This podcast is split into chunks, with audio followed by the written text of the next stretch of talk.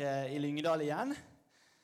Og eh, godt å se mange kjente og kjære fjes som eh, meg og Malin har savna. Og jeg har lyst til å benytte anledninga til å si tusen takk til alle dere som vi vet at eh, er med og ber for oss. Det betyr veldig, veldig mye. Og jeg sa det til Malin og, og Ingelin den ene dagen at eh, bli ydmyk og takknemlig av å tenke på at det er noen som nevner noe med navn her i Lyngdal så å si daglig. Og det, det, er stort, og det betyr veldig veldig mye, så tusen takk skal dere ha. Og eh, ja, så er jeg jo spent på å stå her eh, og alt det, men eh, godt å kjenne på at man er blant venner.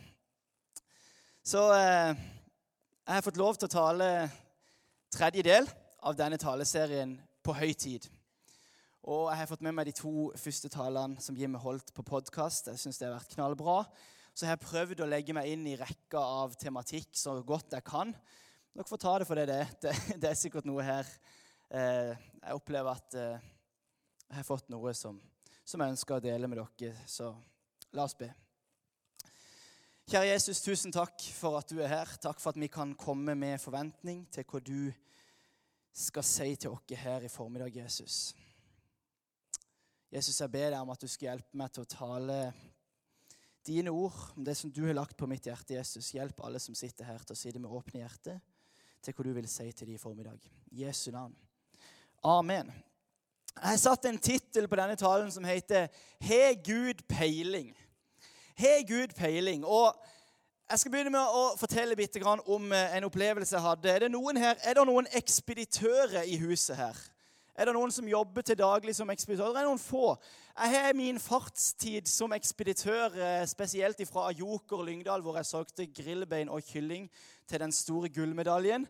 Og i tillegg eh, til å jobbe en periode som fliseselger på Modena her i Lyngdal. Så jeg har vært ekspeditør litt. Og jeg møtte et par veldig interessante ekspeditører oppe i nord. Og Jeg tenkte å fortelle en av de historiene. Jeg, møtte, jeg gikk inn på en eh, jeg gikk inn på en bokhandelslignende butikk. Jeg skal ikke nevne navnet på, på, butikken, men jeg går inn der og kommer med store forventninger til at jeg skal få det som jeg har tenkt å kjøpe. Så jeg går inn, og Noen ganger når jeg er ute i offentligheten, dette kan dere spørre Malin om, så tar jeg på meg et sånn, litt sånn tullehumør. Der jeg kan kanskje bli litt sånn nå skal jeg gi denne ekspeditøren den beste dagen ever. sant? Og så blir jeg sånn 'Hallo, god dag!' ikke sant? Så kommer jeg inn, og så eh, 'God dag', sier jeg. ikke sant? 'Hei, hei.' Om dere har ark, sier jeg. Så ser hun dama på meg og sier hun, Ark!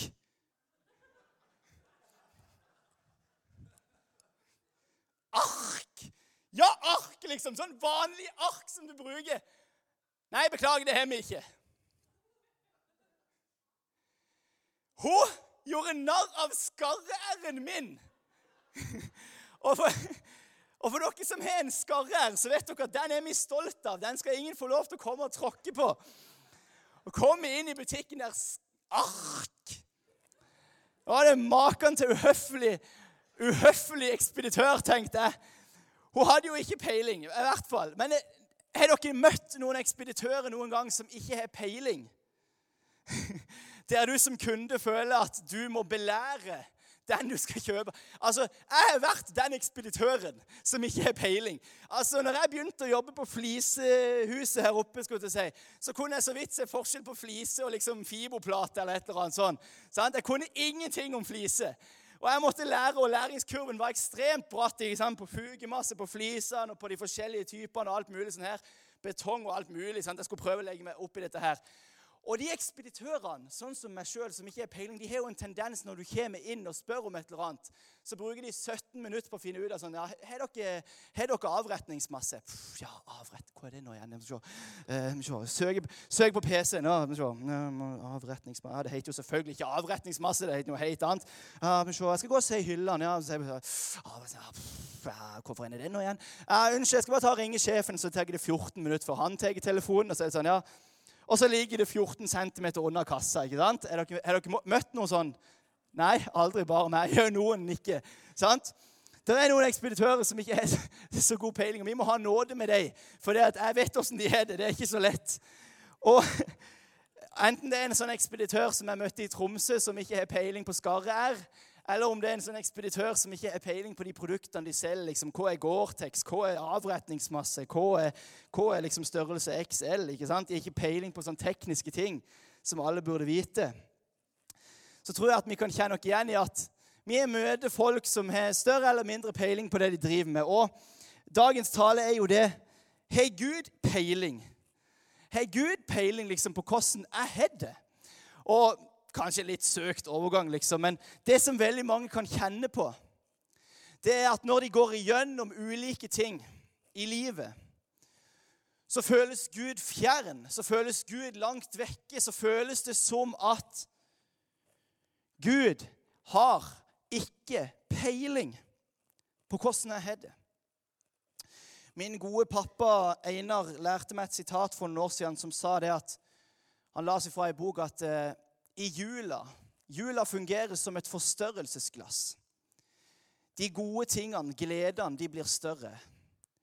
Men utfordringene og sorgene våre de blir også større i jula. Og Dagens tema med Gud har ikke peiling. Det, det dreier seg litt om Jimmy snakka om ventetid. Om å vente på Gud, på Guds timing. Han har snakka om skam og at vi lever i et av de lykkeligste landene i verden. Samtidig så sliter mange med depresjon og angst og vonde ting i livet sitt. Det er mange utfordringer som vi ser rundt dere. Og så kommer jula. Og så kommer jeg til å tenke på dette sitatet om at jula fungerer som et forstørrelsesglass. Og så sitter du kanskje her, og det er liksom O jul med din glede, og så er du kanskje ikke helt der. Fordi det er noen ting i ditt liv som ikke er som det skal, som ikke er så bra som er vondt. Kanskje du kjenner på savn. Kanskje du kjenner at du er ikke helt fornøyd med deg sjøl eller hvordan du er. Kanskje det er noe i familien din, ekteskapet ditt, økonomien din. Og så hjelper det jo liksom ikke på at vi skal ta de fine julekortbildene, og alle presangene skal være så fine og flotte. Og så kommer dette forstørrelsesglasset. Og så er kanskje ikke livet helt topp. Og så er det som jeg har erfart når jeg har hatt vonde ting i mitt liv og Jeg tror ikke det er noe poeng i å sammenligne det som er vondt i mitt liv, er vondt i mitt liv, og det som er vondt i ditt liv, det er vondt i ditt liv. Sant? Vi skal ikke drive og ha konkurranse om hvem som har det verst. Men det jeg har erfart når jeg har hatt det vanskelig, det er at Hvor er Gud, liksom? Har Gud peiling i det hele tatt på hvordan jeg har det? Om du aner Gud, hvordan, hvordan, hvordan det er å være meg? Eller er du som han ekspeditøren på flisesenteret som ikke har peiling på hvor avretningsmassen ligger henne? Vet du åssen det er å ha det dårlige selv, selvfølelsen eller selvbildet mitt? Vet du åssen det er å stå i de tøffe tingene i ekteskapet mitt? Vet du åssen det er med den synden i mitt liv, eller den skammen, den ventinga som jeg går på, eller den, den sorgen eller tapet som jeg kjenner på?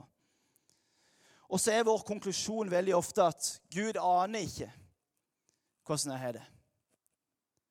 Fordi vi føler ikke at han er nær, eller vi føler ikke at han ser oss, eller vi føler ikke at han vil hjelpe oss. I hvert fall ikke på den måten som vi sjøl ønsker å bli hjulpet, eller og i hvert fall ikke på det tidspunktet vi ønsker å bli hjulpet, for det skal jo helst skje i går.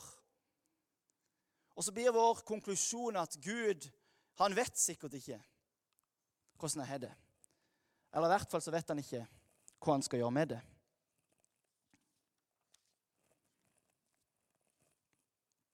Til du som sitter her og er sliten eller tom for krefter på en eller annen måte. Til du som har opplevd å miste noen, som kjenner på savn. Og til du som ikke har det bra med deg sjøl eller med noen i nær relasjon.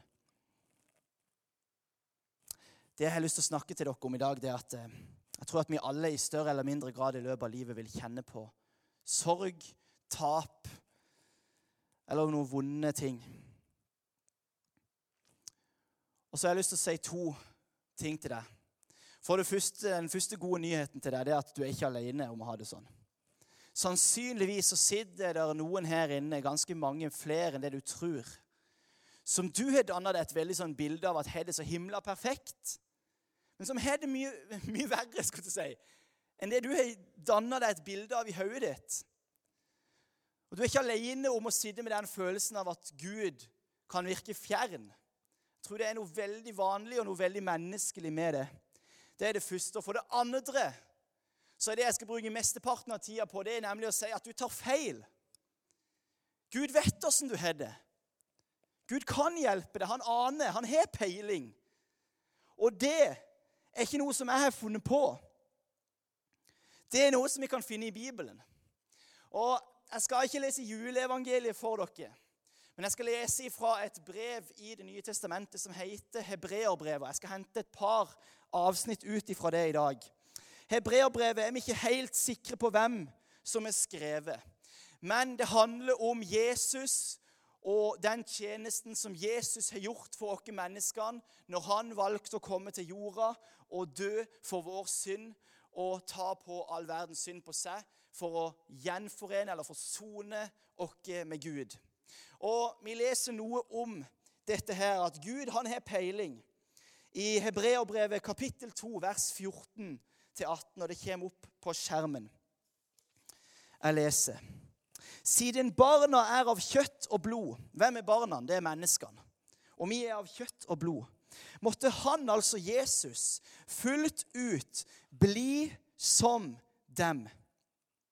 Slik skulle han ved sin død gjøre ende på ham som har dødens makt, det er djevelen, og befri dem som av frykt for døden var i slaveri gjennom hele livet. Det er jo ikke engler han tar seg av. Nei, han tar seg av Abrahams ett.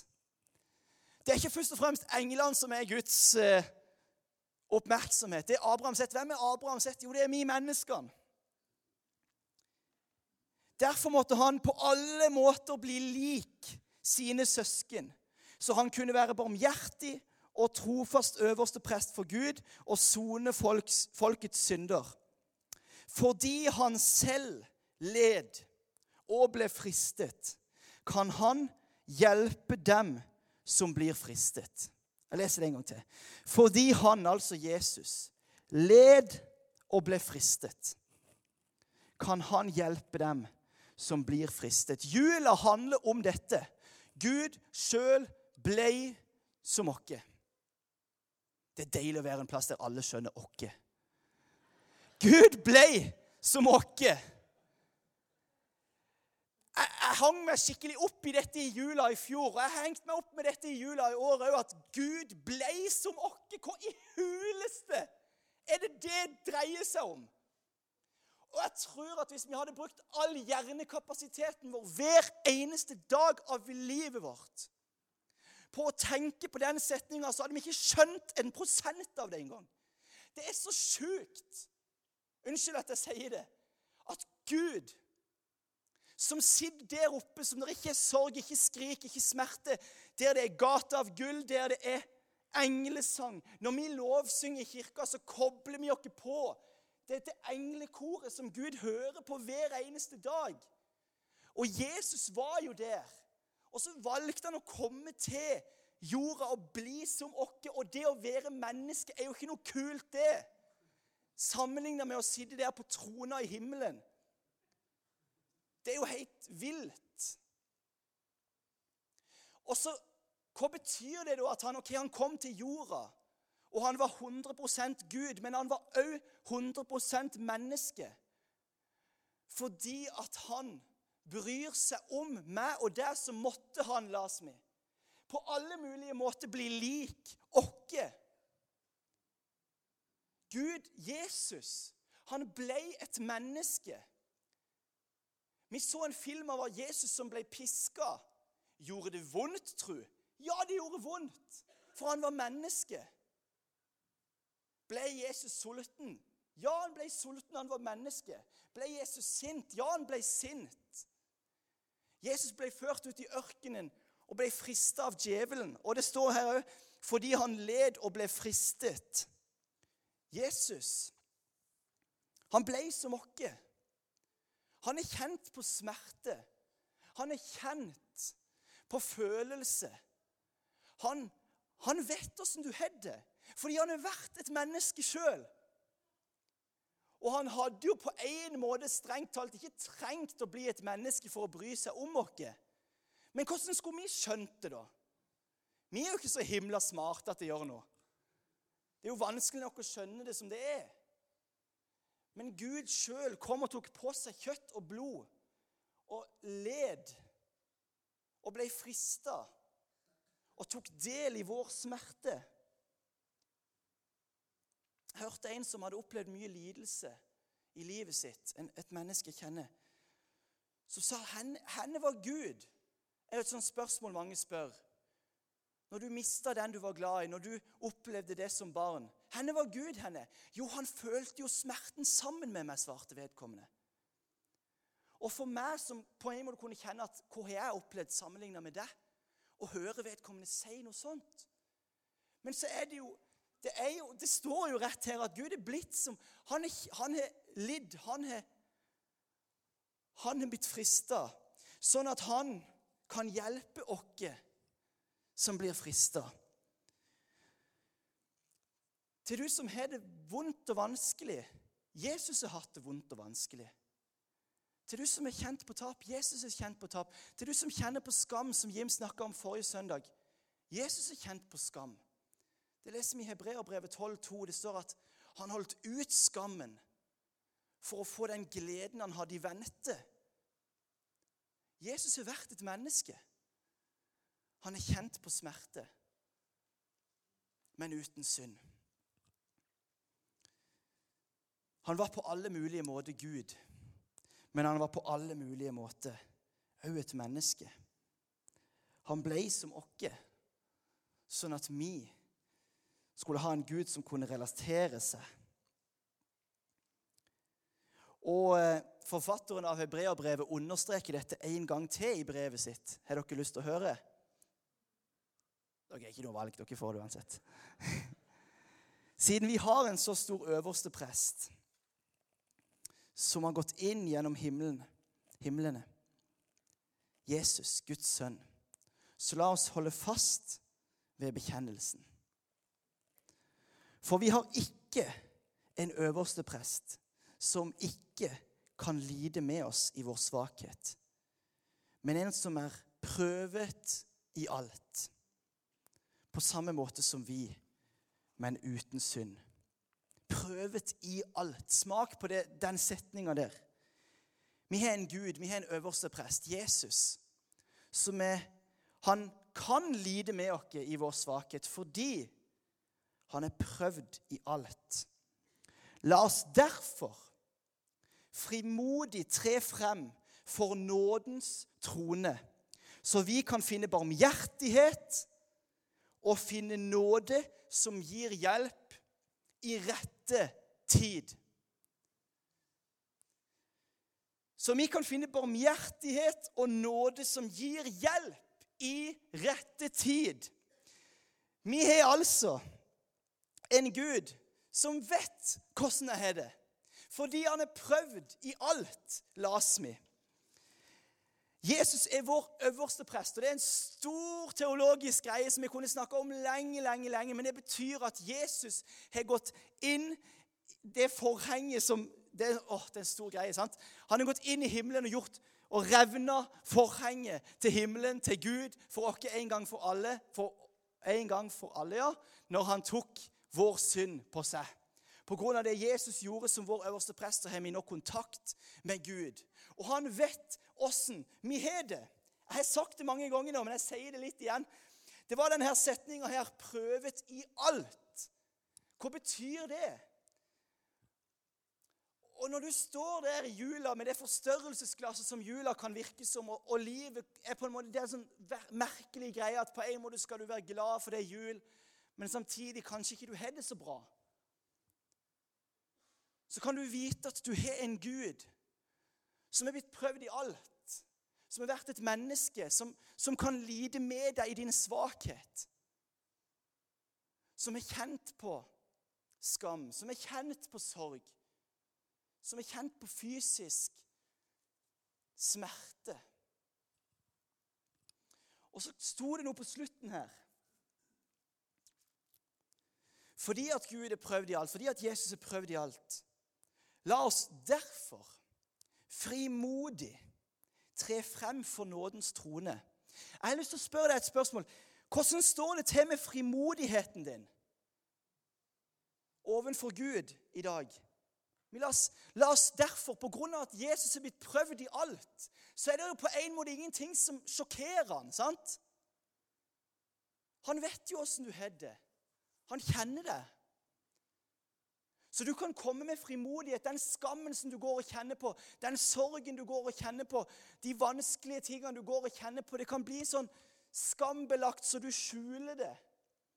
Men du har en Gud som ønsker at du skal komme med frimodighet, med det som ikke er så lett å legge fram på nådens trone. Så ønsker han Hva var det vi las?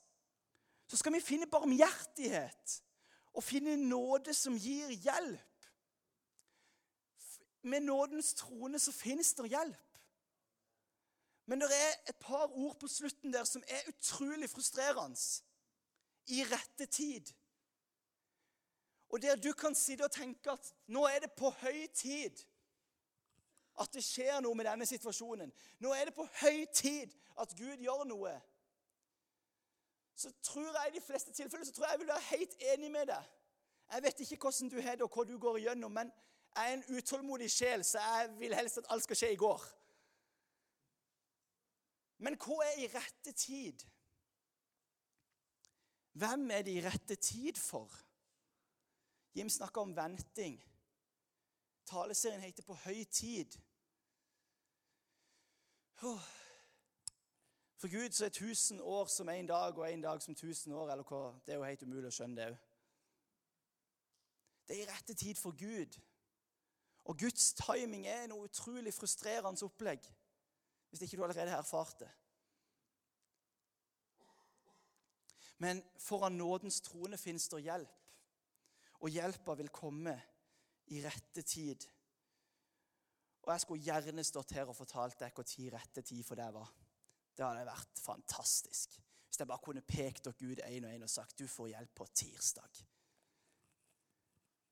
Men det er ikke rette tid for meg heller. Sorry. Men foran nådens trone så fins det hjelp til rette tid. Vi har en Gud som vet åssen vi har det. Vi har en Gud som er prøvd i alt. Vi har en Gud som på alle måter kan kjenne seg igjen i de vanskelige tingene. Kanskje er det ikke en dum ting at jula fungerer som et forstørrelsesglass. Det kan være vondt å se de vonde tingene. Men det å se de vonde tingene litt tydeligere kan òg gjøre det tydeligere at vi trenger Han. At vi trenger hjelp. Og Jeg håper at du har skjønt i løpet av disse få minuttene at du kan få lov til å ta det som er vondt og vanskelig i ditt liv, og komme med frimodighet framfor nådens trone. Nådens trone som er bare full av ufortjent kjærlighet ja, men dette året har ikke blitt som jeg hadde tenkt. Nei. Det fins ny nåde. Det fins hjelp i rette tid. Jeg skal avslutte med et kjent vers. Jesus han ønsker at du skal komme til han, alle dere som strever og bærer tunge byrder, og jeg vil gi dere hvile. Jesus han ønsker å stå sammen med deg i det som er vanskelig. Det betyr ikke at det som er vanskelig, kommer til å slutte å bli vanskelig. sant? Men det betyr bare at kanskje at byrden blir litt lettere å bære enn hvis du skulle båret den alene. Du kan få lov til å komme til Jesus med frimodighet. Du som strever og bærer tunge byrder. Du som har det vondt og vanskelig, du som kjenner på sorg eller smerte. Du kan få lov til å komme med frimodighet til Han som er blitt prøvd i alt. Og han vil gi deg hvile. Og han vil gi deg hjelp i rette tid. Du står ikke alene. Gud vet åssen du har det.